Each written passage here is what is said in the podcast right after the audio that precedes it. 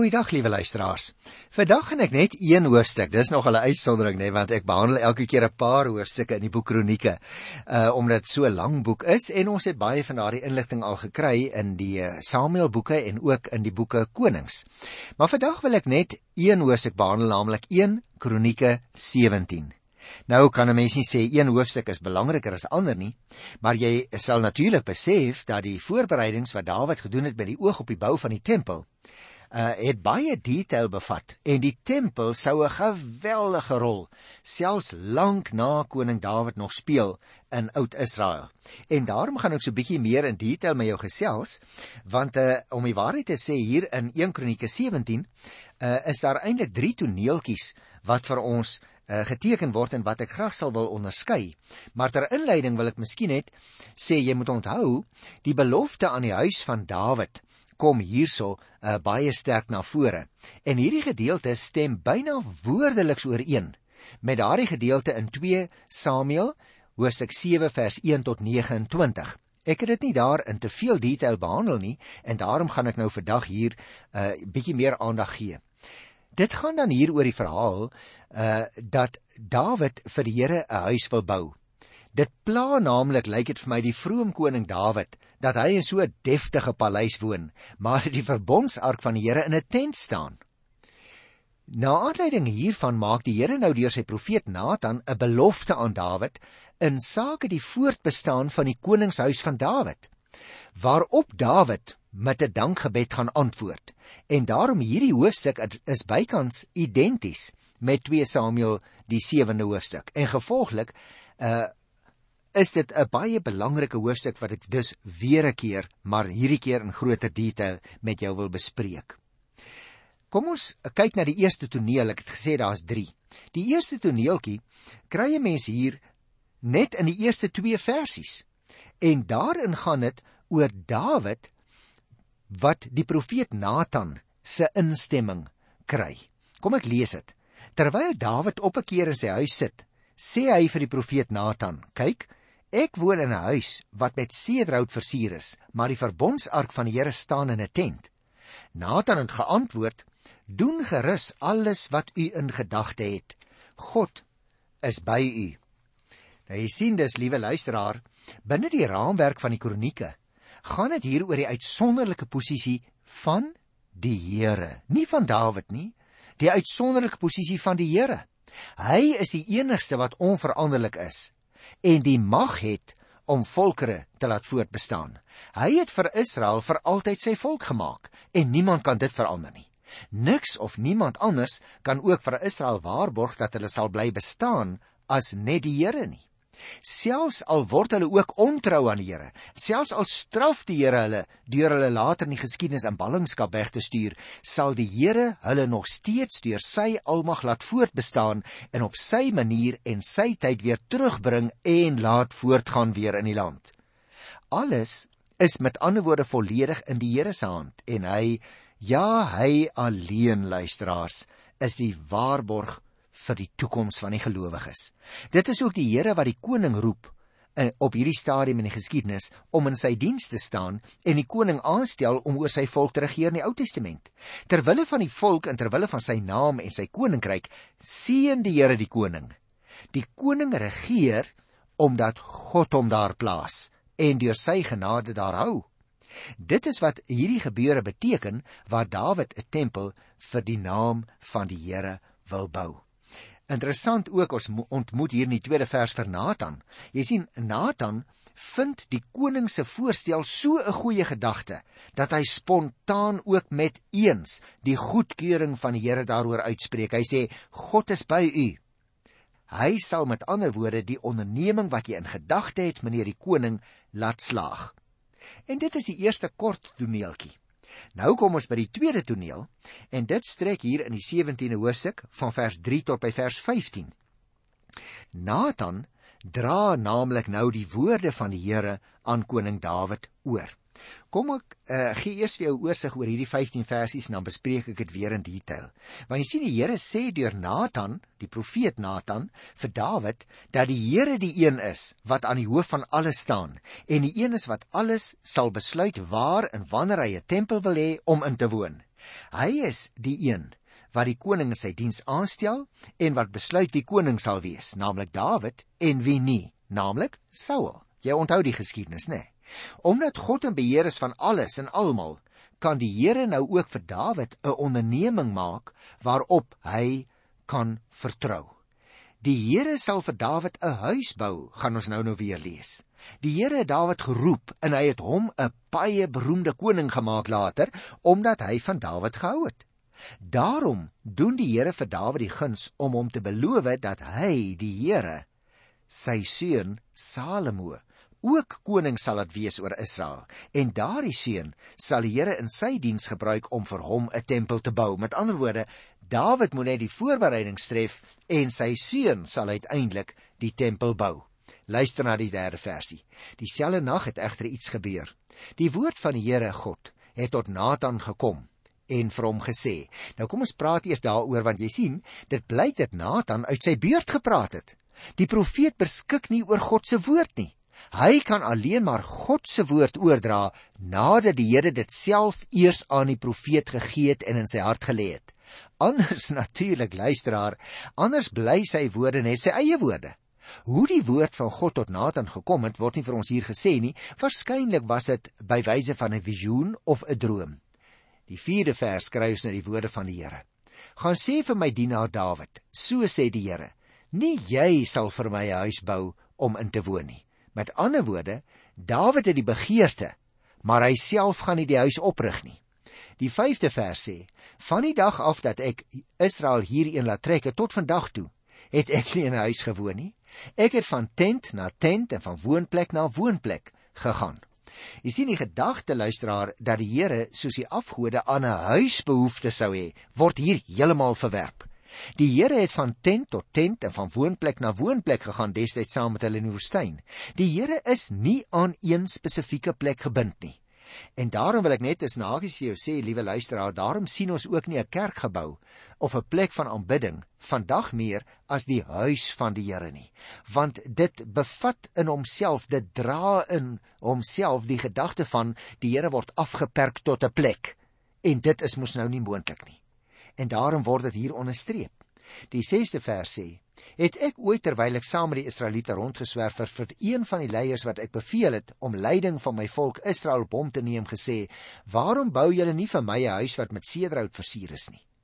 Met ander woorde, die Here sê waar sy volk is, daar is hy.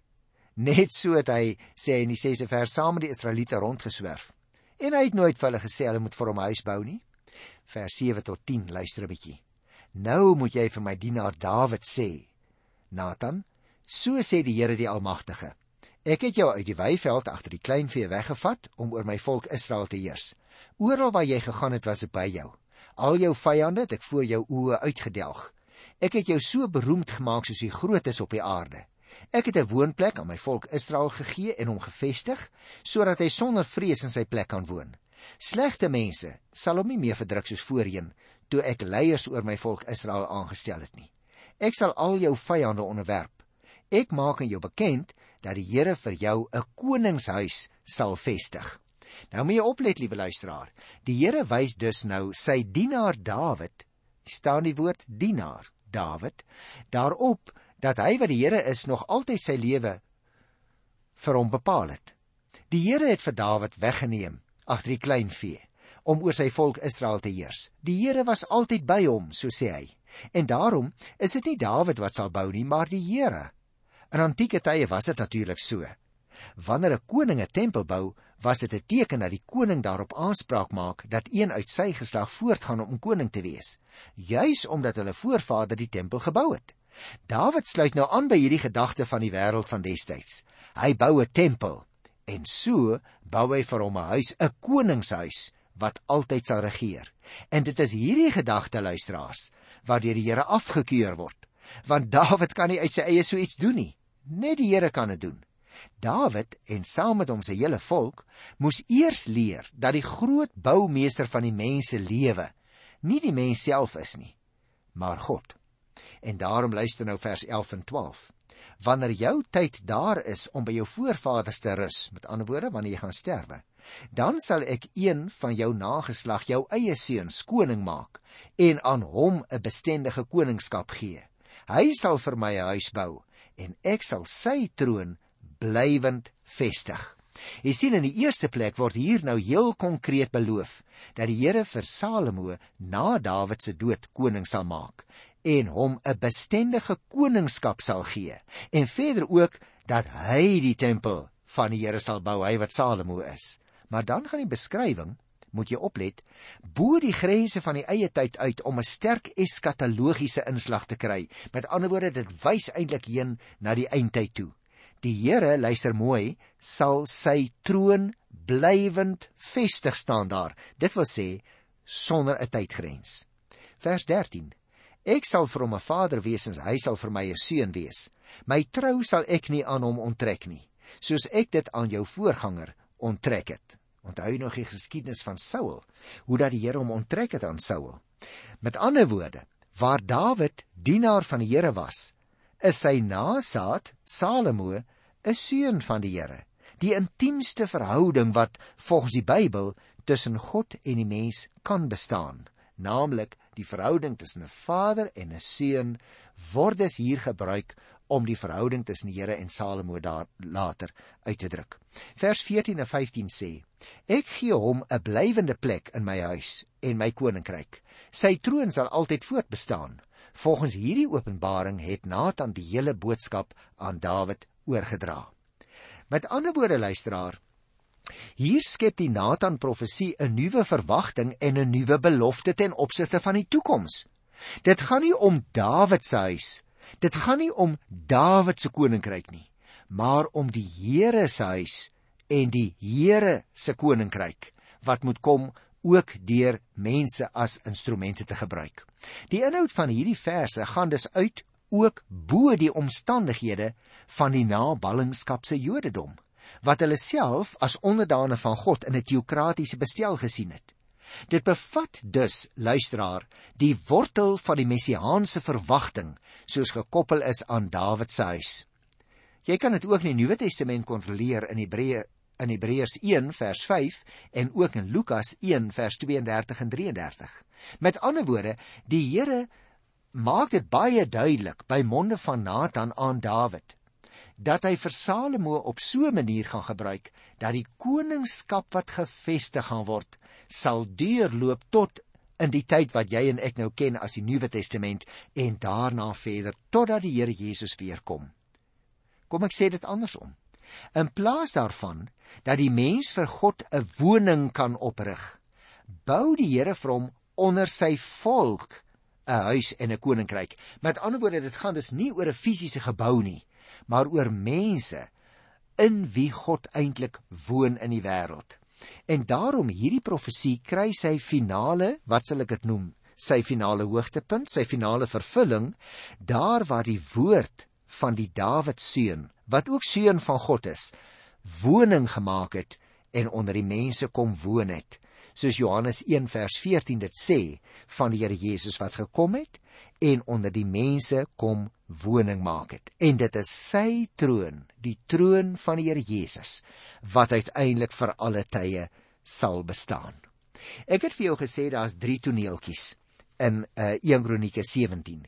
Die eerste een was die toneel van Dawid wat uh, Nathan se toestemming gekry het eintlik wederregtelik in die eerste 2 verse om die tempel te bou. Nathan het 'n bietjie gou gepraat en dan word dit as dit ware reggestel in die tweede toneel vers 3 tot 15 waar Dawid die woord van die Here ontvang van Nathan nadat Nathan nou eers gaan luister het na die Here. En dit bring my dan by die derde toneeltjie. Mense skryf dit hier van uh vers 16 tot by vers 27 wat eintlik maar Dawid se gebed is. En is wonderlik dat die Bybel dit ook vir ons bevat sodat ons dit ook kan lees. Daarom wil ek graag oorsigtelik so 'n bietjie daaroor gesels voordat ek hier en daar iets in detail uitlig. Wanneer Dawid nou reageer op wat Nathan vir hom sê en vir die Here gaan bid daar by die ark, dan dank hy die Here dat die Here hom so genadig is en hom en sy familie in sy diens wil gebruik. Maar jy sien, dit is nie iets van selfsprekend dat die Here 'n mens wil gebruik nie. Die Here het Dawid groot eer aangedoen om hom en sy nageslag as konings oor Israel te gebruik. Hy's veral bly dat die Here vir hom te kenne gegee het dat dit 'n reëling is wat ook in die toekoms nadat hy wat Dawid is al gesterf het nog steeds sal geld. En daarom bid hy dat die Here hom en sy huis sal seën sodat dit vir altyd in u diens sal wees sê hy in die 27ste vers. Met ander woorde, dit is regtig Dawid se gebed dat die Here uiteindelik deur sy nageslag ook vereer sal word. Jy sien die luisteraar ter wille van die grootheid van die Here se naam en ten dienste van sy almag en eer sal God altyd iemand uit die huis of die geslag van Dawid gebruik om sy volk te lei. In die Nuwe Testament wil ek dadelik net vir jou sê, word die Here Jesus natuurlik die seun van Dawid genoem, daar in Matteus 1 vers 1. In Christus Jesus word God se naam verheerlik wanneer hy deur sy kruis en sy opstanding die nuwe Israel uitlei dan die nuwe Jerusalem. Wie is die nuwe Israel? Dit is almal uit alle tale en volke en groepe wat Jesus Christus as hulle Here en koning aanvaar. Dit is uiteindelik die nuwe Israel. Hy roep ook vir jou en vir my, liewe luisteraar, om as draers van sy naam konings en dienaars vir ons God te wees, wat deur ons woorde en dade die Here Jesus onvermoeid sal bely teenoor ander mense, hom sal verheerlik deur ons woorde en deur ons dade. En daarom wil ek ook vir jou liewe luisteraar vandag weer 'n keer oproep om jou knie te buig voor Jesus Christus die enigste koning. Die enigste een deur wie 'n mens die saligheid kan beerwe, die enigste een wat 'n prys kon bring in sy eie liggaam en met sy eie bloed waardeur jy en ek met God versoen kan word. Dit is waarop hierdie belofte wat Nathan hier vir koning Dawid gee, uiteindelik uitloop op die hoogtepunt wanneer Jesus Christus se koms in die Nuwe Testament vir ons beskryf word.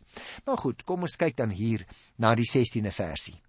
Daarna het koning Dawid ingegaan en voor die Here gaan sit en gesê: "Wie is ek, Here God? En wie is my nageslag dat U my so ver gebring het?" Jy sien, daarna het koning Dawid ingegaan in die tent natuurlik, waar die verbondsark van die Here was en voor die Here gaan sit, lees ons. En luisteraar, hierdie gebedshouding om voor die Here te sit, wat op sigself eintlik 'n baie nederige uitdrukking van jou gestalte en van jou houding is, is eintlik uniek in die Ou Testament, hoor. Die gebruikelike gebedshouding was om te staan. Gaan kyk maar in 1 Samuel 1 vers 26 of om te kniel in 1 Konings 8 vers 54 of selfs om plat vooroor met die voorkop op die grond te lê. Genesis 24 vers 52. Dawid se gebed getuig dus ten eerste van 'n besef van eie nietigheid en onwaardigheid in die lig wat God reeds vir hom gedoen het, sê hy. Luister na vers 17. Selfs toe was dit vir u nog nie genoeg nie, o God. U het ook nog vir die nageslag van u dienaar tot in die verre toekoms beloftes gemaak. U sien my as die man wat soos 'n duif die hoogtes bereik. Here God, Die tweede aspek luisteraar wat hier na vore kom, uh, is wanneer Dawid nou hier praat en sy blye verwondering uitspreek oor die beloftes aan sy nageslag tot in die verre toekoms wat die weldade van die Here in die verlede nog baie ver sal oortref.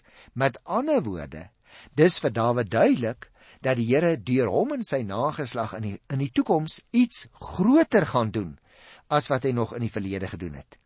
Let op 'n derde aspek hier in vers 18. Wat sou ek Dawid nog verder vir u kon sê oor die eer wat u dienaar aangedoen word? U ken immers u dienaar. Jy sien derdens, vind Dawid dit onmoontlik om sy dankbaarheid in woorde uit te druk, maar hy beroep hom op die feit dat die Here hom ken. Met ander woorde, ten spyte van sy foute, wil die Here hom gebruik net soos vir jou vir my liewe luisteraar. Mag ek jou vra in beskeidenheid laat jy toe dat die Here jou gebruik. Kyk na vers 19 ten slotte. Lees ons hier u het hierdie groot ding gedoen Here ter wille van u dienaar omdat dit u besluit en wil was en boonop het u al die groot dinge aan u dienaar bekend gemaak. Ek het gesê ten slotte want ek wil daarop wys dat ten slotte het hierdie groot ding sy oorsprong in die ondeurgrondelike wil en besluit van die Here. Hoekom? Ter wille van sy dienaar Dawid. Luister na vers 20 tot 22. Daar is niemand soos U nie, Here. Buiten U is daar geen God nie. Van hoeveel gode ons ook al gehoor het. Watter volk is soos U volk Israel? Hulle is die een nasie op aarde wat U vir U as volk gemaak het. U het U naam bekend gemaak deur aan nasies groot vreeslike dinge te doen toe U hulle verdryf het voor U volk wat U uit Egipte land vrygemaak het. U het U volk Israel vir altyd U volk gemaak en U Here, U het hulle God geword. Nou dis belangrik dat ons sal opmerk, luisteraar, deur die magtige dade van die Here in die geskiedenis van sy volk en in die geskiedenis van die huis van Dawid in die besonder, het die Here homself as onvergelyklike God bo alle gode bewys. Hy is daarom sê Dawid, daar is niemand soos die Here nie, geen ander God nie. Jy sien, daarom is dit die Here wat God is, sê Dawid. Hy is die enigste lewende God bo almal en alles. Vers 23 en 24 sê en nou Here, wat u oor u dienaar en oor sy nageslag gesê het, staan vas vir altyd. Doen tog soos u beloof het, soos dit vas kan staan. En u naam vir altyd groot gaan wees as daar gesê word: Die Here, die Almagtige, die God van Israel, hy is God van Israel. Die nageslag van u dienaar Dawid bestaan voort voor u. Het jy opgemerk? Dawid kom nou by die hoofpunt van sy gebed. Hy bid dat die Here sy beloftes aan hom en sy nageslag waar sal maak. Nie in die eerste plek om sy eie ontwil nie, maar so bid Dawid sodat die naam van die Here groot kan wees. Ooh, luisteraar, dit maak my skaam hoor, want jy en ek trek dikwels die lig tog so op onsself. Dawid sê Here gebruik my, gebruik my nageslag, gebruik my gesin, gebruik my kinders sodat die naam van die Here groot kan wees. Mag ek jou weer 'n persoonlike vraagie vra? Lewe jy en ek elke dag so dat die naam van die Here groot gemaak word deur dit wat ons sê en wat ons doen? Kom ons sluit af met hierdie 1 Kronieke hoofstuk 17 by vers 25 en 27 te lees. My God, U het nadruklik vir die dienaar gesê dat u vir hom 'n huis sal vestig. En daarom het die dienaar die vrymoedigheid gehad om sy gebed tot u te rig. En nou, Here, u is God. U het hierdie goeie beloftes aan u dienaar gemaak. U dring daarop aan om die huis van die dienaar te seën, dat dit vir altyd in u diens sal wees. U Here het geseën. Daarom is my huis vir altyd geseën. Wonderlik, liewe luisteraar, omdat God getrou is aan sy woord, het Dawid die vrymoedigheid sê hy om te bid. Het jy soms geen vrymoedigheid nie? Is jy soms te skaam? Staan die dinge wat jy doen te te hoog tussen jou en God? Ag, liewe luisteraar, bely dit voor die Here, want hy neem ons sondes weg van ons, so ver as die ooste verwyder is van die weste sê Psalm 103 vers 12. En as ons ons sondes bely het, dan mag ons as kinders van God in die vrymoedigheid lewe dat ons ook na die Here direk kan gaan in die gebed. In onwrikbare geloofsvertroue weet Dawid dat die beloftes wat die Here hom gegee het waar sal word. Want wat die Here geseën het, staan daar, is vir altyd geseën Jy moet oplet. Dawid se hele gebed is deurdrenk met 'n lofprysing vir die oorweldigende grootheid van God. Dikwels draai alles in ons gebede tog so om ons hier in die tyd waarin ons lewe. In Dawid se gebed draai alles om die eer van die Here aan wie hy behoort. Daar's geen sprake van 'n gekrenktheid omdat die Here hom nie wou toelaat om die koninklike tempel vir hom op te rig nie. Inteendeel, Dawid aanvaar dit net so. Dawid is diep ontroer omdat hy ontdek het dat die Here se besluit en wil vir hom en sy nageslag 'n nog groter toekoms daar gestel het as wat hy self kon droom deur self maar net 'n tempeltjie te wou bou. Op tipiese semitiese manier, liewe luisteraar, gee Dawid met baie herhaling uitdrukking aan sy vol gemoed. Omdat die Here hom liefhet, het hy die Here beloftes aan hom gegee en op daardie beloftes bou Dawid. Mag ek jou vra? Bou jy ook op die Nuwe Testamentiese beloftes wat die Here vir ons gee? Bou daarop, liewe luisteraar, leef daaruit, word vandag by hernuwing gelanseer soos 'n vuurpyl in jou getuienis en in jou dienswerk aan die Here. Ek groet jou in sy wonderlike naam. Tot volgende keer. Tot dan. Totsiens.